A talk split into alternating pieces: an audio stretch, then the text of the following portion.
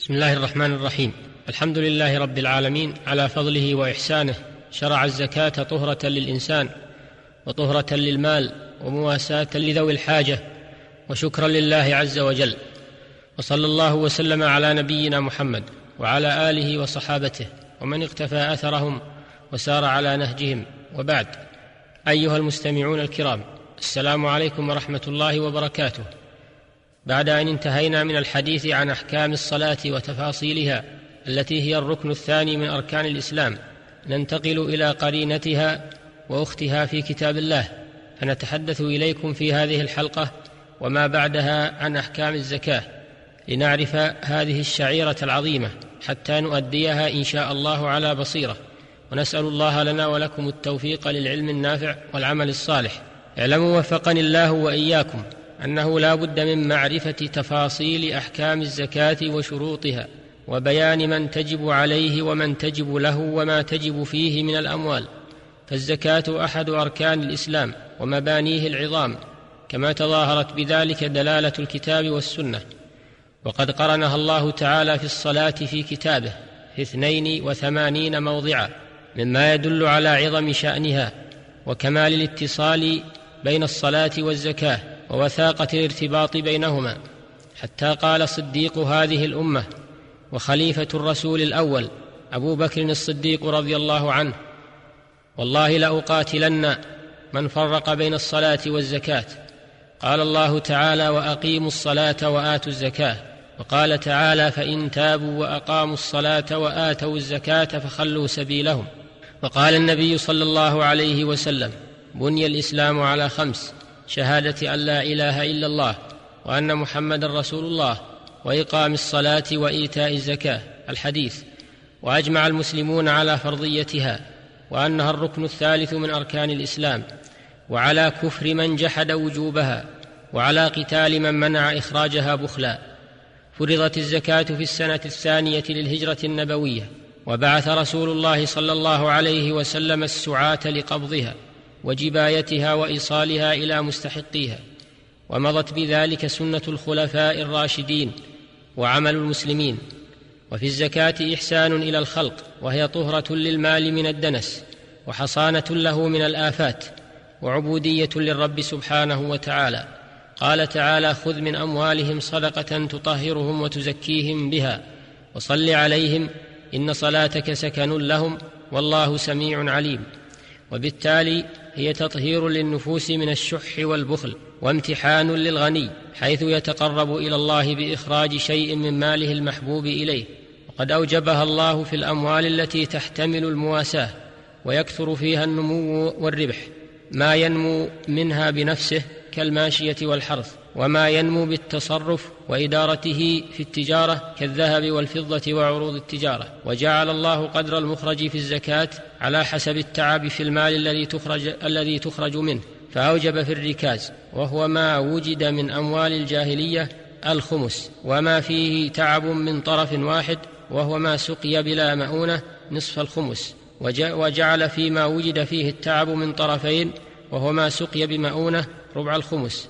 وجعل فيما يكثر فيه التعب والتقليب كالنقود وعروض التجارة ثمن الخمس. قد سماها الله بالزكاة لأنها تزكي النفس والمال فهي ليست غرامة ولا ضريبة تنقص المال وتضر صاحبه بل هي على العكس تنفع صاحب المال وتزيد المال نموا من حيث لا يشعر الناس.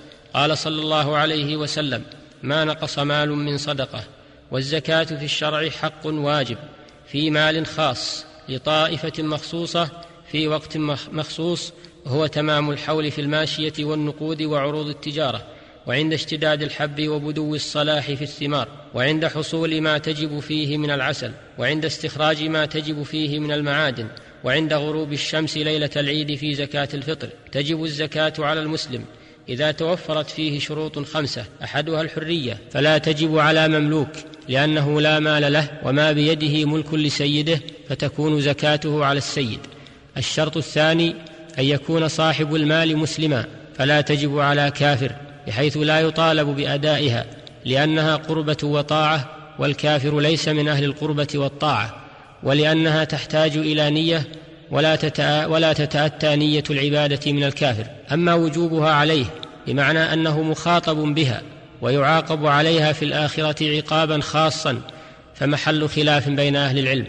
وفي حديث معاذ رضي الله عنه فادعهم إلى شهادة أن لا إله إلا الله وأن محمدا رسول الله ثم ذكر الصلاة ثم قال فإنهم أطاعوك لذلك فأعلمهم أن الله افترض عليهم صدقة تؤخذ من أغنيائهم فترد على فقرائهم متفق عليه فجعل الإسلام شرطا لوجوب الزكاة. الشرط الثالث امتلاك نصاب فلا تجب فيما دون النصاب وهو قدر معلوم من المال يأتي تفصيله. سواء كان مالك النصاب كبيرا أو صغيرا عاقلا أو مجنونا لعموم الأدلة. الشرط الرابع استقرار الملكية بأن لا يتعلق بالنصاب حق الغير فلا زكاة في مال لم تستقر ملكيته كدين الكتابة لأن العبد المكاتب يملك تعجيز نفسه ويمتنع من الأداء. الشرط الخامس مضي الحول على المال لحديث عائشة رضي الله عنها لا زكاة في مال حتى يحول عليه الحول. رواه ابن ماجه وروى الترمذي معناه. وهذا في غير الخارج من الأرض كالحبوب والثمار. أما الخارج من الأرض فتجب فيه الزكاة عند وجوده.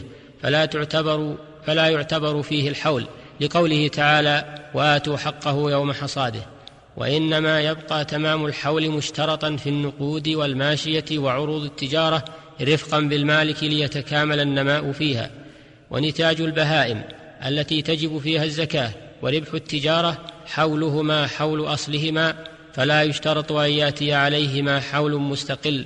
إذا كان أصلهما قد بلغ النصاب فإن لم يكن أصلهما قد بلغ النصاب ابتدأ الحول من تمامهما النصاب.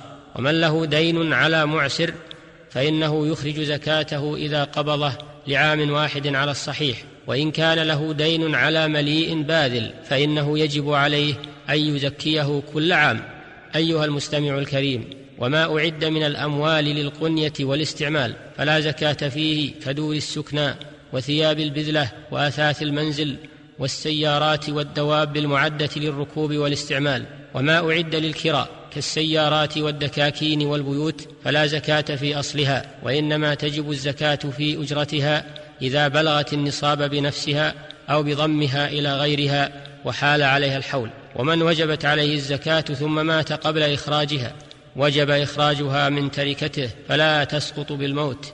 لقوله صلى الله عليه وسلم فدين الله أحق بالوفاء رواه البخاري ومسلم وغيرهما.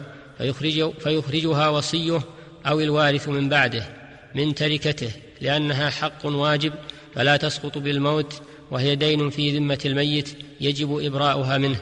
وإلى الحلقة القادمة إن شاء الله. لمواصلة الحديث عن أحكام الزكاة. السلام عليكم ورحمة الله وبركاته. صلى الله وسلم على نبينا محمد وآله وصحبه والحمد لله رب العالمين.